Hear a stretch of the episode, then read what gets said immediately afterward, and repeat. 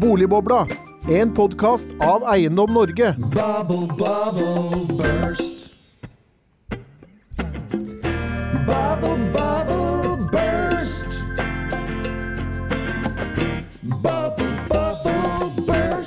Hjertelig velkommen til en ny episode av Boligbobla. Denne gang Hvor skal hyttemarkedet? er tema. For i pandemiårene 2020 og 2021 slo alle rekorder i hyttemarkedet. Det måtte snu, og i 2022 falt omsetningen i brukthyttemarkedet med om lag 30% mot året før. Hvor skal hyttemarkedet nå, spør vi, og skal vi tilbake til der vi var før pandemien? Og hvordan står det til med hytteskammen? For skal vi tro mange naturvernere, så er det slik at hyttebygging er den største trusselen mot nedbygging av naturen. Men er det egentlig slik? For å ta oss gjennom dette temaet, så har vi fått med oss noen flotte gjester. Hjertelig velkommen til deg, Petter Birken, eiendomsmegler i Privatmegler Ullevål. Takk, takk. Og hyttemegler, selvfølgelig. Og så har vi fått med oss høyskolelektor, politisk aktivist, eh, skribent i Minerva, eh, Øystein Sjøli. Hjertelig velkommen til deg. Tusen takk. Og som alltid her i Boligbobla sitter jo du sjefen for også hyttemarkedet nå, eh, Henning Lauritzen. Hjertelig Yes. velkommen til deg. Takk, takk. Eh, Du la frem noen ferske hyttetall i dag morges. Eh, over eh, hyttemarkedet. Brukt hyttemarkedet, hva vil vi kalle det. Brukt for eh, 2023. Ja. Hvordan oppsummerer du det? Ja, det? det? som egentlig er ganske interessant, det er å se at volumene er ikke så verst. Man, man har kanskje kunnet få inntrykk av at det er helt, helt, stille i hyttemarkedet hvis man leser i avisene, men volumene, altså antall solgte, det ligger veldig nær 2015 2019 i nivå. Så vi er litt Det er ikke helt der vi var før pandemien, men det selges fortsatt mange brukthytter i Norge. Så det er nok heller nyhyttemarkedet eh, som virkelig har måttet ta støyten for høyere rente, høyere byggekostnader og andre ting. Her får vi introdusert begrepet boligkrise for et, et, års tid tilbake. Det er vel også en slags hyttekrise? i hvert fall når det gjelder nytt, ja, ja, det er definitivt akkurat det samme, egentlig. At uh, nyhyttemarkedet, nybyggingen av hytter, det er virkelig et område hvor, uh, hvor fallet har vært stort. Og så er det for så vidt også interessant å ha med seg at hvis vi ser hvor lang tid det tar å selge en hytte, det tar i gjennomsnitt 73 dager. eh, Median eh, hyttesalget tar 31 dager. Det er marginalt høyere enn eh, det var si det er- før er, pandemien i 20, 2019. Og det er kanskje også litt grann overraskende. Tatt til betraktning alle de tingene som har rammet privatøkonomien. Prisene de er litt ned, og, og her eh, snakker vi om 1,2 eh, som da er gjennomsnittsprisen for året mot foregående år. Så det er greit å vite at dette ikke er en indeks, f.eks., ja. Mm.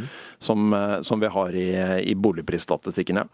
Så man, man kan kanskje si at hyttemarkedet det er roligere enn det var rett før pandemien, men det er fortsatt stor aktivitet. Men Petter, det, dette er jo en god overgang til deg. Det er jo du som eh, si, er sjefsmegleren, i hvert fall på Trysil, et av de største hytteområdene. Hvordan rimer dette med, med din erfaring av markedet? Det høres ganske kjent ut. Det er jo, Vi meglerne får jo på en måte eh, denne følelsen om hvordan markedet kommer til å bli. Litt tidligere enn det det kommer ut i media. Det er mikrokompetanse og makrokompetanse, Ja, pleier jeg å kalle det. Det er jo litt sånn du merka liksom etter pandemien og merka liksom at plutselig var det veldig mange som ringte og skulle selge. Og så merker vi at liksom, ja, det renner ikke så fort ut som det bygger seg på. Og i mitt område, som eh, er Trysil, så var det jo under pandemien så var det jo rundt 70 enheter til salgs i hele Trysil kommune. Og så bare bygger det seg opp og bygger seg opp og bygger seg opp. Og på toppen så var det jo 200. Og det er klart, det gjør jo litt markedet, så da blir det litt uh, tøffere å få, få det til å bli litt uh, impulsiv å kjøpe. Altså ifra å være et marked som gjorde at med en gang jeg la ut en eiendom, så ringte folk og spurte kan jeg kjøpe den. Ja, men jeg skal ha visning, tenkte jeg. Ja, nei, men jeg vil kjøpe den. Folk kjøpte usett, altså. Ja. Til nå at eh, nå kommer de og ser på fire og fem og seks og sju, og så skal de tenke litt an, og så skal de vente litt, og så skal de Ja, sett meg på liste, så får vi se. Nå er det, det er mye mer jobbing, da. Men, men det er dette som bør være normalen også, strengt tatt, egentlig. ja, det er jo egentlig det. Selv om eh, kanskje nå er vi fortsatt litt for mye i markedet i Trysil til at det skal være på en måte et velfungerende marked. Hvis du skal bli litt sånn balansert med både kjøpe- og selgersmarked, så burde det vært enda litt mindre. Ja, hvordan ser det ut nå? Hvor mange ligger ute? Rundt 170 nå, Ja. eh, så vi har gått ned eh, da fra 200 til 170, så det er litt bedre. Og det merka jeg også godt i forhold til i 2023, da. Første tre kvartalene. Kontra fjerde kvartal så solgte jeg vel nesten like mye i fjerde kvartal som jeg solgte de første tre kvartalene 2023. Det vil si at da begynner folk å, å se på De følger jo mye med på Finn, og plutselig ser de at det står solgt på ting, og begynner å dette på en del solgt. Da begynner folk å tenke å ja, se der du, nå begynner det å skje noe. Men altså, er- du sier at mye av usikkerheten som, som har vært der rundt eh, hva skal du si, eh, renter, eh, kostnader osv., er borte, og da skaper det bevegelse? Ja, da skaper det bevegelse, og det, er- vi nordmenn er jo glad i hytter. Så det er ikke noe Jeg, jeg merker ikke noe hytteskam, jeg. Det er, eh, vi er glad i, glad i å ha et sted å være. Men, men, eh, men altså, det har jo vært eh, mye skriverier om at utlendingene også er på vei inn i hyttemarkedet. Det, stemmer det med din erfaring? Ja, absolutt. I Trysil så er det jo på en måte såpass nære Sverige, så vi har egentlig alltid hatt mye svensker som har kjøpt der. Så jeg har en rundt 25% av de jeg selger til, er svensker. Men eh, danskene har vært veldig glad i å leie, ikke kjøpe så mye. Men nå, pga. kronekursen mot eh, danskekrona, så har de kommet mer på banen nå. De ser det som en investering også å kjøpe nå og tenker at eh, kanskje norske krona skal opp igjen etter hvert, og da tjener vi litt på valutaen også. Så det er, og de vil jo gjerne leie ut. Og utleie er det også mye av i Trysil, særlig rundt Trysilfjellet. Så da ser de det som en investering på den måten. Selv om det å kjøpe en hytte eller leilighet i dag på fjellet, det er, med dagens rente, så er det Du får ikke finansiert det og at det skal gå rundt. Det, det Med utleie, nei, det gjør ikke det. Så det blir bare en liten, liten bonus på strømregningen? Ja, det, men det er klart, eh, sånn som det var når det var 2% rente, så var det jo nesten uansett hva du kjøpte og satte i utleie, så eh, gikk det på en måte i pluss. Det gjør det ikke lenger. Men vi var jo så vidt innom nybyggingstallene her. altså det er jo Under pandemien så ble det vel solgt over rundt 8000 nye hytter på, under bygging. da, øh, Både i 2021, 2020 og 2021. Eh, og nå er vi til ned på 1800-1900. Ja. er det stor fullføring av mye av det som ble solgt under pandemien nå, eller hvordan absorberer på en måte markedet det? Det som var av leilighetsbygg som var satt i gang, det har de sluttført. Og, og det har faktisk gått eh, ganske bra nå også. For nå får folk kommet og sett på det og, og tar en beslutning der og da når de ser hva det er ferdig. Eh, Det som er blitt solgt av tomter, så er det noen som har bygd, og så er det ganske mange som står der med en ubygd tomt. Mm. Som ikke har begynt å sette i gang fordi de ser at det, det blir dyrere å bygge, dyrere byggekost. Og i tillegg så faller prisene, som det har gjort fra 2022 og ned. Som gjør at det, du ser ikke noe butikk i å ta og bygge nå. Kanskje det er bedre å heller selge tomta og kjøpe noe som er brukt i stedet. Men snakker vi da om privatpersoner som har kjøpt tomter, eller er det bare utbyggere? Nei, det var også privatpersoner, ja. Ja. Så, men også utbyggere sitter der nå, og det er klart, eh, utbyggere som har kjøpt i et AS og finansierer det med 8% rente, da det begynner å bli dyrt å ha den tomta liggende også, så kanskje det er død kapital som det heller skal bruke et annet sted. Ja, for det har vært en betydelig vekst i byggekost siden pandemistart, f.eks. Og det er ja, noen og 20 Mm. ligger vel sånn jevnt på, så det må man jo virkelig merke. Det merkes veldig godt, og det har jo vært et regnestykke før, så, og det er jo egentlig heller ikke riktig, tenker jeg, at du kan kjøpe en tomt som en privatperson, gå til en leverandør, sette opp en hytte, du gjør ingenting selv, og så kommer du til en megler og så sier at så legger vi på en million, og så selger vi den. Hvis det skal være så enkelt, så hvorfor kjøper ikke folk og bygger selv, da? Det er jo, det er jo på en måte ikke noe eh, det er ikke noe normalt at det skal være, men nå er det jo sånn at nå den tomta du har kjøpt og bygger, så kan du selge den, og så kanskje du får igjen en halv million til en million under det du ga. Da er det jo ikke så er det ikke det like interessant. Nei. Men vi skal se litt grann fremover. da, altså Nå er vi, nå er vi eh, halvannen måned inn i, inn i et nytt år. Uh, vi har også tracket at det er jo fortsatt god aktivitet inn i året. Men hva tenker du litt om veien videre? Kommer det byggingen til å ta seg opp, eller skal vi liksom, har vi bygd fra oss? For det er bygd veldig mye hytter i Norge de siste ti årene. Jeg tror at uh, nybygg tror jeg fortsatt kommer til å holde litt igjen i 2024. Eh, bruktmarkedet, det er sakte, men sikkert eh, på bedringsvei. Men jeg tror at det med nybygg og, og selge nybygg fortsatt kommer til å henge Jeg tror vi skal se kanskje mot 2025 før vi ser noe særlig bedring der. I hvert fall eh, i forhold til byggekosten som er nå i dag. Men dette er jo for seg greit eh, overgang til deg, eh, Øystein. Fordi eh, du som har tatt et oppgjør med hytteskammen, som, ble nevnt her. Det er ikke noe tegn til hytteskam, i hvert fall kanskje ikke i markedet ennå. Men uh, ute i mediene og blant aktivistene så, så er det noen som prøver å påføre oss en viss hytteskam. Ja, det skrives jo stadig om det man kaller naturkrisen og nedbygging av natur. Og da er det jo veldig lett å peke på hyttene, for de er så synlige. Eh, det, når man kjører rundt i Norge, så ligger jo hyttefelt langs motorveien. Så det er jo ofte på motorveien man er, og så ser man et hyttefelt. Så er jo det veldig visuelt tydelig. Så det ser ut som om, som om det, er veldig, det er en stor del av, av nedbyggingen. Og så er man også redd for kanskje at nedbyggingen er veldig omfattende, og at hytter står for en stor del av, av en omfattende nedbygging. Da er det jo lett å, å bli motstander av, av ytterligere hyttebygging, da. Men, men du har jo også tatt en kikk på det. Du er liksom faktaresistent, som det kalles. Eh, Eller det motsatte av faktaresistent, egentlig. Jeg håper jeg er det motsatte. Det er det motsatte. Du tar et oppgjør med faktaresistensen, det er riktig å si. Men, men altså, du har jo kikket på tallene her. Altså, realiteten her er jo noe helt annet. Ja, vi har jo ca. en halv million hytter i Norge i dag, Mm. tror jeg.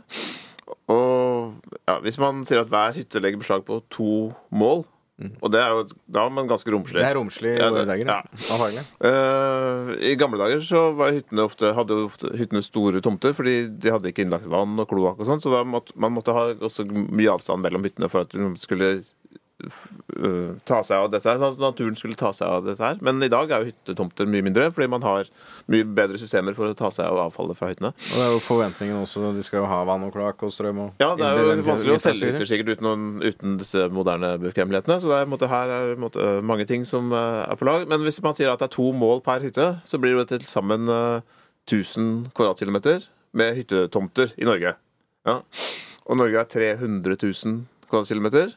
Ja, så det er 0,3% av Norge er da hytter. 0,3% ja. Grovt regnet, ja. Mm. Ja, men, og da er det to mål per hytte, og det med moderne hytter er jo mye, har jo mye mindre tomter og mye mindre beslag, da, men med, med veier og alt mulig. Men det er jo ikke sånn kjempemye av Norge som er hytter. Uh, og, og selv måtte, de siste årene hvor man har kartlagt dette ganske godt, så, er, så står hyttebygging bare for en det var en rapport fra Miljødirektoratet i fjor. Hyttebygging de siste 25 årene har stått for, 0, nei, har stått for 6 av nedbyggingen av skog. Ja, og nedbyggingen av skog sånn Totalt er dette 0,4 av, av Norge som er bygd ned. Og av de 0,4 så står hytter for 6 Like mye som eh, Traktorveier i skogen står også for 6 uh, Skogsbilveier står 6% Og ja, det er det er forskjellige ting som til sammen utgjør disse, denne nedbyggingen. Da. Men nedbyggingen totalt er jo ganske beskjeden. Norge har utrolig mye natur. Totalt liksom, areal som er bygget ned med harde ting. Bygninger, veier, havner og, og vindkraftanlegg og sånn, er vel 2 ca. av norsk, eh, norsk areal. Eh, um, åkre eh, Landbruket ja, landbruket er tre, ja, ja. så til sammen er det fem. Ja. Og resten er skog, fjell, vidde, myr. Ja. Så det egentlig sier at realiteten er at den øh, påstanden om at hyttene nedbygger areal, det stemmer ikke. ja, det stemmer jo at det nedbygger areal, men det er ikke en veldig stor Det er ikke det som er driveren. krise. For Nei, det er Jeg syns hele denne nedbyggingsdiskusjonen det er et problem for noen arter noen steder, åpenbart. ja, At det er forbudt å bygge strandsonen, det kan være fornuftig, så at den strandsonen er, er mer tilgjengelig. Men det, er jo, det gjør det jo tilgjengelig å bygge også. Ofte, Mange byggetiltak gjør jo ting mer tilgjengelig for mennesker. Mm. Men det er jo lurt å ha reguleringer. Men, men å ha et sånn generelt forbud mot nye hyttefelt, sånn som noen tar til orde for nå, Naturvernforbundet og øh, Verdens naturvernforbund er jo ganske hissige på Ja, de vil det. Og da, Mm. det er jo et veldig grovt virkemiddel som rammer veldig mye, og, vel, og som rammer mye som og det er verdifulle tiltak. Det er veldig fint at folk får kjøpe seg hytte, kommer seg ut i naturen, som man jo faktisk gjør da, når man, når man har hytte. Og da kan man bli glad i naturen, kanskje, lyst til å ta vare på den mer. Uh, og så er det jo eh, ja, verdifull aktivitet, i, i, ofte i distriktskommuner. Og, ja, det er veldig mange gode ting med, med hytter. Og hvis man, og et generelt forbud vil, vil ramme veldig blindt. Og selv, selv om intensjonen kan være god, så, så vil man treffe veldig mye annet enn det man ønsker å bevare. Da. Men det, men det kan jo være stor forskjell på hvor man bygger disse hyttene. Når det gjelder eh, hva skal man si, det, den innvirkningen det får på naturen. Ja, helt sikkert. Så noen steder så vil man jo sikkert ramme en Der hvor villreinen trekker, f.eks. Eller særlig. Det er jo ofte snakk om hytter på fjellet, dette her. Og det er jo særlig villreinen, da. og- men- Eller andre sånn uh, annet vilt. Uh, uh, Men det må jo vurderes i hvert enkelt tilfelle. Ja, så at et generelt nasjonalt forbud mot hyttebygging det vil jo ramme veldig mye som ikke har noen ting med villrein eller andre litt sårbare arter å gjøre. Da. Men et nasjonalt forbud hadde vel ikke vært veldig sannsynlig heller. Ja, det er jo noen som har tatt til orde for det. Noen vil ha det. Og ja, som du sa, Naturvernforbundet og WWF tror jeg vil ha det. Og også noen politiske partier som, som vil ha det. De vil kanskje ikke ha forbud mot hyttebygging, men de vil ikke at det skal bygges nye hyttefelt. Da. Så mm. all ny hyttebygging skal skje innen dagens hyttefelt. Og, ja. Og, og det må også legges til, I morgen så arrangerer da NMBU, eh, tidligere Landbruksuniversitetet, hva man skal kalle det, Landbrukshøgskolen heter det. Landbrukshøgskolen, eh, arrangement om hytteskam. Ja. Vi, bør vi føle skam? Nei, jeg syns ikke på noen måte at det er noen ting å skamme seg for. Og jeg tror de fleste heller ikke gjør det. Eh, Og jeg mistenker jo litt at ganske mange av de som syns at vi skal føle skam, har en hytte, eller kanskje to selv. Eh, Ja, vi har jo nylig sett da Norsk Industri, som da er jo viss direktør, jeg var veldig opptatt av naturkrisen, hadde 17 000 dekar til, til Ja. Stor tomt. Stor tomt. Ja, og han fikk jo faktisk Han sa, eh, eller han siterte på i en avis at han hadde leid denne selv tidligere, men han fikk Norsk Industri til å ta regningen etter at han etter Parisavtalen, for han ble så opptatt av av klimaproblemet. så det var sporen til å la noen andre betale regningen for hyttebesøkene hans. Ja. Men, men eh, Petter, hvordan, hvordan rimer liksom de, de, disse arealdiskusjonene med mm, realiteten i Trysil? Trysil er jo eh, Norges største skogkommune. Så eh, det er så mye skog der at det er eh, ingen fare annet enn at du får litt Du får litt, litt frisk luft allikevel. Det har jo vært litt debatt annet i Trysil i form av det med at de, de vil heller fortette, som du sier, det som er, i stedet for å bygge nye hyttefelt. En annen ting er i forhold til størrelse på hytter. At de mener at hytter skal ikke være for store. Det skal bygges mindre hytter for at det ikke skal bli for eh, vulgært i naturen, da, sånn sett.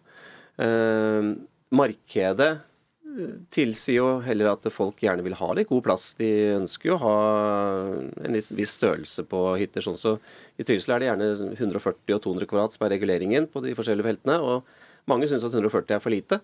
De vil gjerne ha 200. Eh, andre fjellkommuner har jo ikke den begrensningen. De har gjerne Kvitfjell har gjerne sånn 250-300 kvadrats hytter. Er veldig ofte blitt solgt.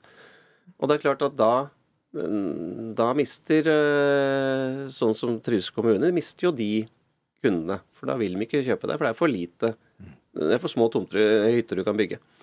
Men eh, jeg tror at eh, de aller fleste syns at opp til 200 kvadrat, da, da får du en grei hytte på fjellet. Eh, ved sjøen så bygger de litt mindre. Da er det jo litt mer begrensninger der også i forhold til eh, hva som eh, lar seg bygge.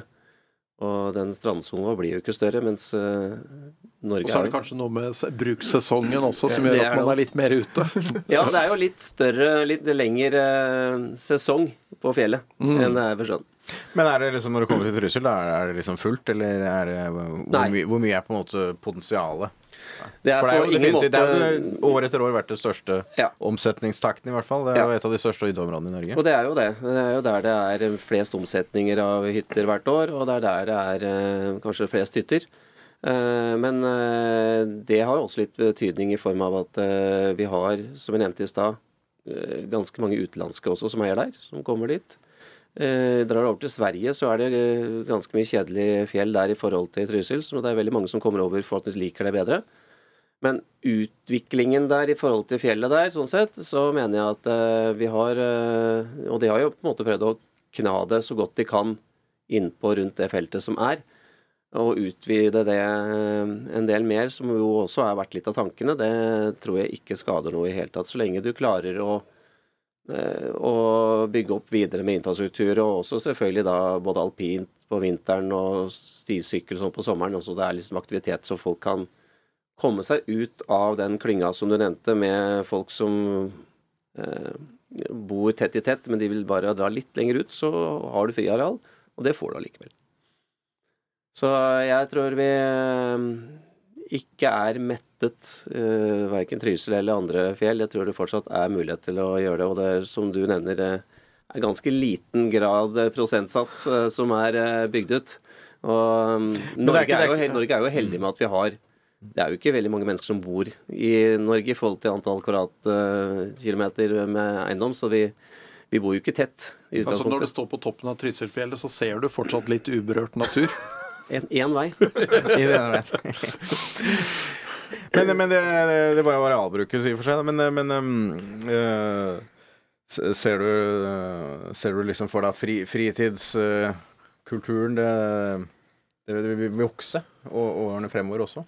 Ja, jeg tror at det er, eh, det er både en trend at du skal på en viss form for hytte for å være litt i frimark. Særlig når du bor i byer, så syns du at det er liksom du skal ut, og du skal eh, på tur, og du skal eh, ut i aktivitet. Og, og den, den tror jeg kommer til å fortsette. Og det er jo et visst fokus på å være litt i aktivitet og, og oppleve naturen eh, i Norge. Så jeg tror at det, den eh, delen med å komme seg på hytta, eller komme seg på et annet sted, den er absolutt til stede. Men i, i lokalpolitikken, da, er det, er det liksom eh, er, det medgang eller motgang på, på uh, Det var en del motgang. For det er jo enkelte steder hvor de, altså, hva Ja. skal si, de lokalbefolkningen, hva kan kalle det, har det, organisert seg og prøvd å stoppe nå ble det skifte nå i Trysil, og det til det positive for min, det jeg mener. Men, eh, så jeg tror at vi eh, forhåpentligvis ser en litt mer utvikling nå enn det det har vært. For det har vært eh, ganske tungt å få gjennom saker i Trysil. Og det er jo det som vi nevnte med hytter som da før i tiden med to mål tomt, ikke innlagt vann og strøm og sånne ting. Sånne hyttefelt får du jo ikke regulert lenger. Det får du i hvert fall ikke regulert, nei. Så nå er det jo på en måte, nå skal det være infrastruktur. Og det koster såpass mye å lage, så da må du samle hyttene også pga. økonomien. Du kan ikke dra det en hytte der og en langt opp der. Det blir altfor dyrt og altfor stort inngrep også med å, med å, å lage det. Så um, det, det er vel egentlig for så vidt eh, bra, syns jeg, at det heller får samlet det, og så heller komme seg utenfor, og så har du fri natur der. Men, men Øystein, har, du- har du fått noe gehør for eh, ditt oppgjør med dette hyttehat og hytteskammen? Altså, eh, Faktaene dine er jo klare, og, og vi ser jo også trenden her. Det er jo fortetting og hva skal si, egentlig bedre arealbruk og forvaltning. Antagelig. Ja, det er jo veldig Og det er jo også et kostnadsspørsmål, antagelig. også. Ja, jeg tror helt sikkert at Altså, jeg tror det er mange gode grunner til at det blir mer fortettet. Og det, ja, både at kommunene øh, vil ikke regulere lenger. Jeg disponerer en hytte i, Sollia, øh, i Innlandet.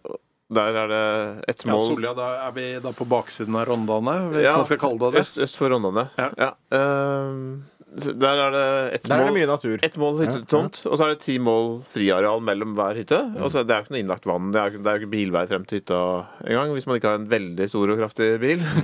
Eh, men den er fra 60 60-tallet. Den Eh, forrige og- hyttebommen. ja, og da ble det gjort sånn. Og det, det er bygget på et gammelt sånn beiteareal for, for sau.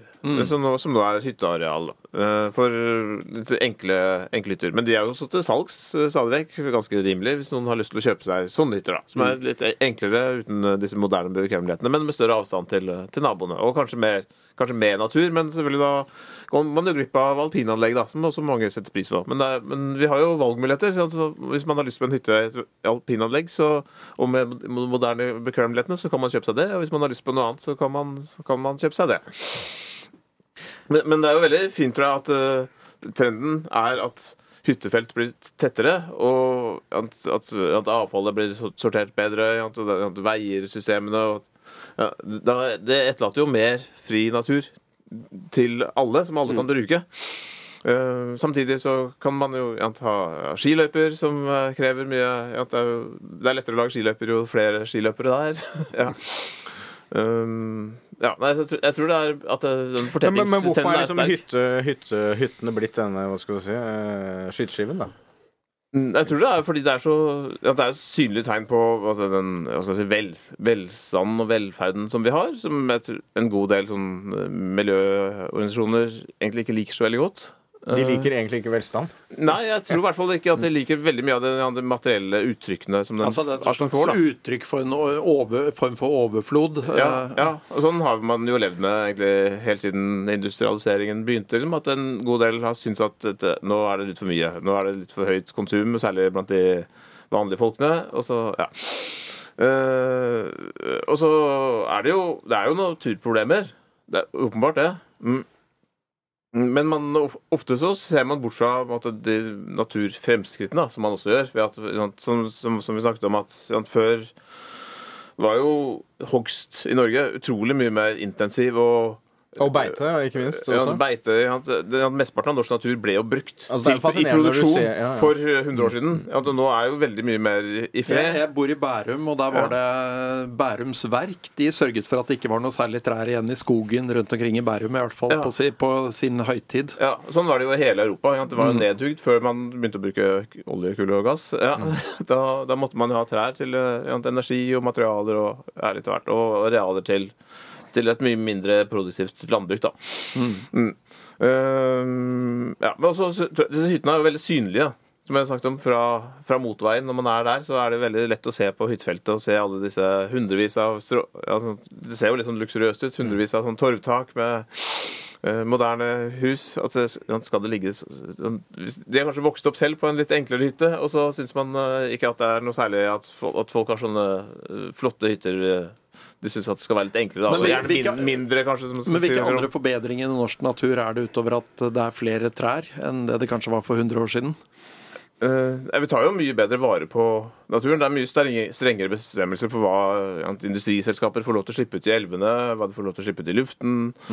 Eh, vi, vi bor jo mye tettere. Eh, Vi bor, de fleste bor i byer eller småbyer eh, i stedet for å bo spredt utover hele. Selv i Nordmarka skal ikke gå så veldig mye på ski Nordmarka før man finner nedlagte bruk, som var et bruk for 50 eller 100 år siden. De må gå litt utenfor den vanlige veien, da. Men eh, nå finner man stadig både komfyr og Gam, gamle tufter Gamle av setre og, og- sm- ja.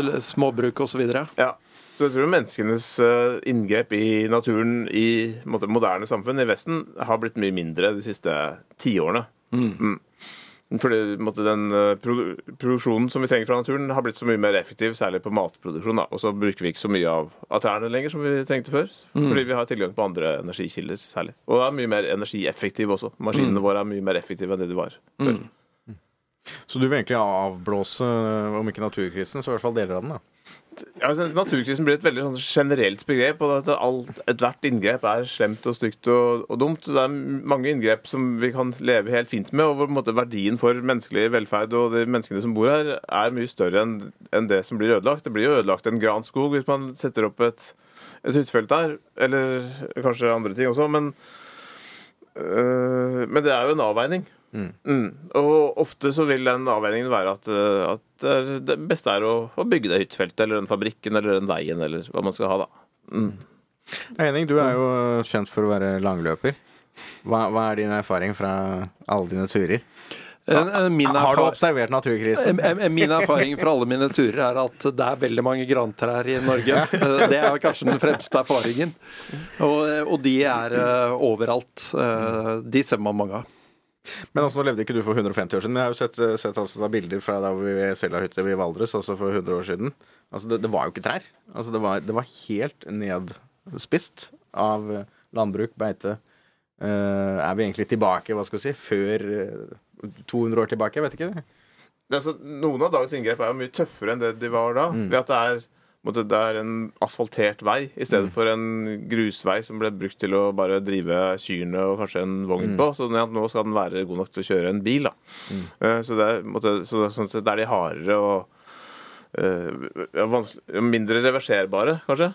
Mm. Men Nei, men i hvert fall Hvis du ser på landskapet, da, så ser, ser det jo helt annerledes når du ser bilder fra, fra 100 år siden. Ja, ja. ja nei, så det, Altså- det mesteparten av norsk areal som måtte, ja, Eller halvparten av Norge, det er jo, Altså, er jo er Ja. Mhm. Eh, men det, det som ikke er snørrfjell, det stort sett ble brukt for 150 år siden. Og, eller 100 år siden. Og nå, nå er det mye av det som får være mer i fred, da. Selv om det er jo mye hogst og måte, planmessig forvaltning av, av skogen også. Men det er jo også ganske mye skog som får stå, får stå i fred. Eh, ja, og, og stadig mer, faktisk. Det er, det er mye mer gammel skog. Hvis gammel skog er, er at den har stått i fred i minst 100 år, så er det mye mer av det nå enn for 50 år siden. Henning, Gammelskog. Ser du mye til det? Mm, nei, det, det, kanskje ikke så veldig mye. Men det er litt uh, en del steder hvor uh, terrenget er veldig ulendt. uh, Hvor det ikke har vært, eh, ligget godt til rette for hogst, så ser man jo definitivt det. Også i eh, så nært som deler av, eh, av marka, så ser man tegn til det. Men eh, det er fortsatt veldig mye grantrær jeg ser. Og jeg, jeg er veldig allergisk for, mot bjørk, så jeg er veldig gra, glad i at det ikke er for mye bjørk rundt meg. Da. Så, men det er høyst personlig. din, din, din forvaltnings... Og, og når vi går på ski, og særlig disse skiturene dine, må jo skje i preppede skispor. Ja, Og de ja, er jo gjerne på skogsbilveier. Det er Ja, og da eh, er det ofte jo- på skogsbilveier. Ja, og, da er det, og det er bygget for å ta ut tømmer, så da er det jo uh, i nærheten av måtte, produktiv skog, da. Så er, da, da ligger det ikke der hvor den eldste skogen. Da må man gå utenfor de prepte ja, det, er, det er ofte riktig. Nei, så, så du, vi kan erklære altså hytteskam, i hvert fall grunnlaget for den, den bør dø. Ja, det håper jeg jo. Og jeg tror det er ganske stor stemning, sånn som vi snakket om. Det, mange nordmenn har hytte, og, det, og jeg tror veldig mange nordmenn har hytte sammen med andre. Enten, ja, jeg har selv mange venner som har hytte i Trysil, sammen, og det har det ofte et vennepar eller to-tre vennepar som har kjøpt hytte sammen. Og så har de hver tredje helg hver. Og mange familier har jo hytte. Ja, det er jo på en måte at Og da er det jo flere Jeg tror jeg generasjoner, har fire hytter til tilgang. Ja, ikke sant? Ja, det ikke så, men, det er ikke, det er jo ikke dine. Det er ikke mine. Nei, ja, så det, er- det, er stor grad av hyttedeling, både utleie, men også særlig at man, ha, at man eier ting sammen. Da, som enten venner eller familie som eier hytter sammen, og så deler man på, på bruken av den. Men eh, Petter, hvordan ser dette ut i Trysil? Altså Egenbruk, andres bruk av hytter, utleiehytter osv. Er det noe som forekommer i særlig grad? Ja, det er, i Trysil er det veldig mye utleie. Eh, veldig mange som, og særlig svensker, de tar alltid og kjøper og leier ut, for de får ikke brukt det nok. Eh, men også veldig mye nordmenn tar og kjøper og finansierer dette her da i større eller mindre grad med utleie i tillegg. Og det, det er klart det blir en annen form for å ha hytte, men særlig da litt sånn som har kommet de siste årene, siste 15 årene med litt mer leiligheter. Lettere å dra fra. Ikke så personlig innredet. Men det er klart, når du får en uh, litt Du har mer en bod hvor du putter inn Ja. noen ting, liksom? ja. Og så er det øh, nå kommet sju-åtte forskjellige aktører som hjelper deg å leie ut og vedlikehold og vasker og sånne ting, så slipper du å ha noe med det å gjøre. Og da, da har du tilgang til den hytta eller leiligheten, uh, men samtidig så får du slippe en del av kostnaden med det. Og det er klart, det er jo litt uh, det som du nevnte med de hyttene som, sånn som du har tilgang til.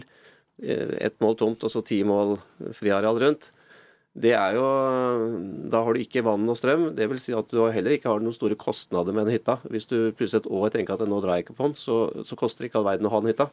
Mens en hytte som ligger med innlagt eh, fiber eh, Det er eh, Du har på en måte strøm og vann, og du betaler for snømåking. Og, da, da koster det en del å ha likevel, så da må du bruke den litt mer. Da er det litt Altså høyere kvalitet gir mer bruk, da. Ja, og da er det også lettere å leie ut, selvfølgelig. Og litt sånn i forhold til barn, å ta med, få de barna motivert til å være med på hytta.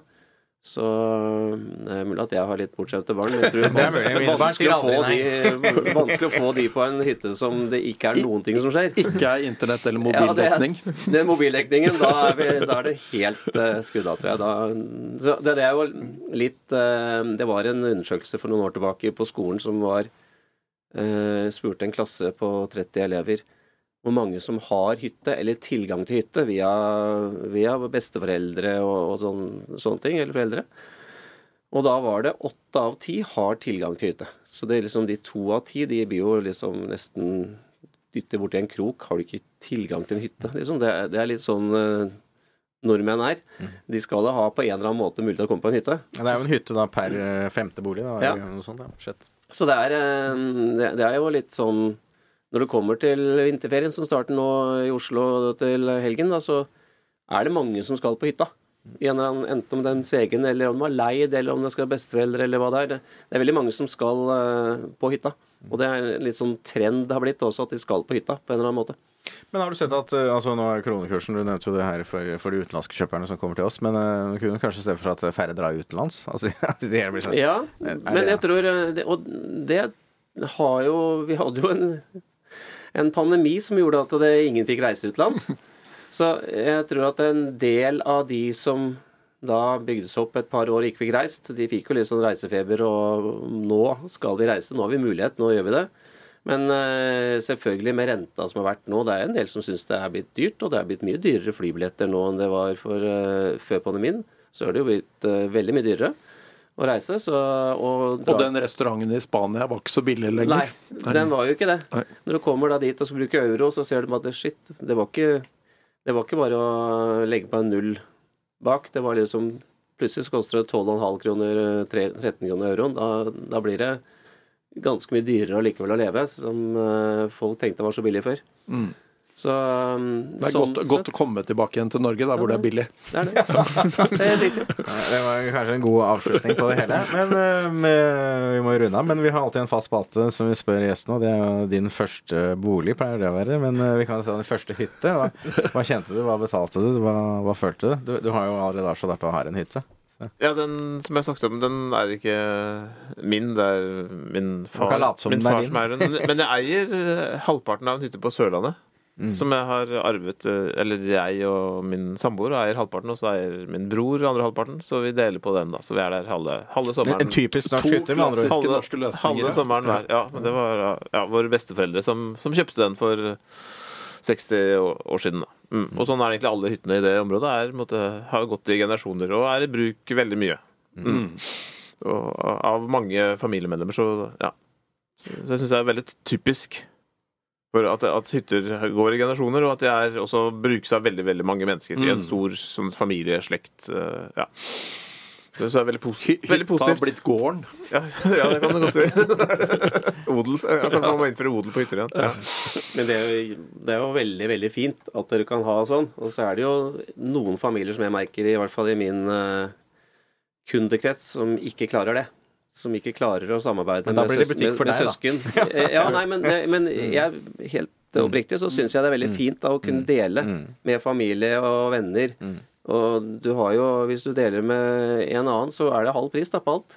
Så det er jo på en måte veldig fint. Men det er, eh, det er en del familier som ikke klarer å dele sånn. Og da, det som skjer da, særlig sånn ved kysten, da, som prisene stiger så vanvittig på sjøeiendommer, flotte eiendommer helt ned ved vannet og sånne ting, så er det ingen som klarer å, å kjøpe det ut heller, for at det, blir, det blir for dyrt.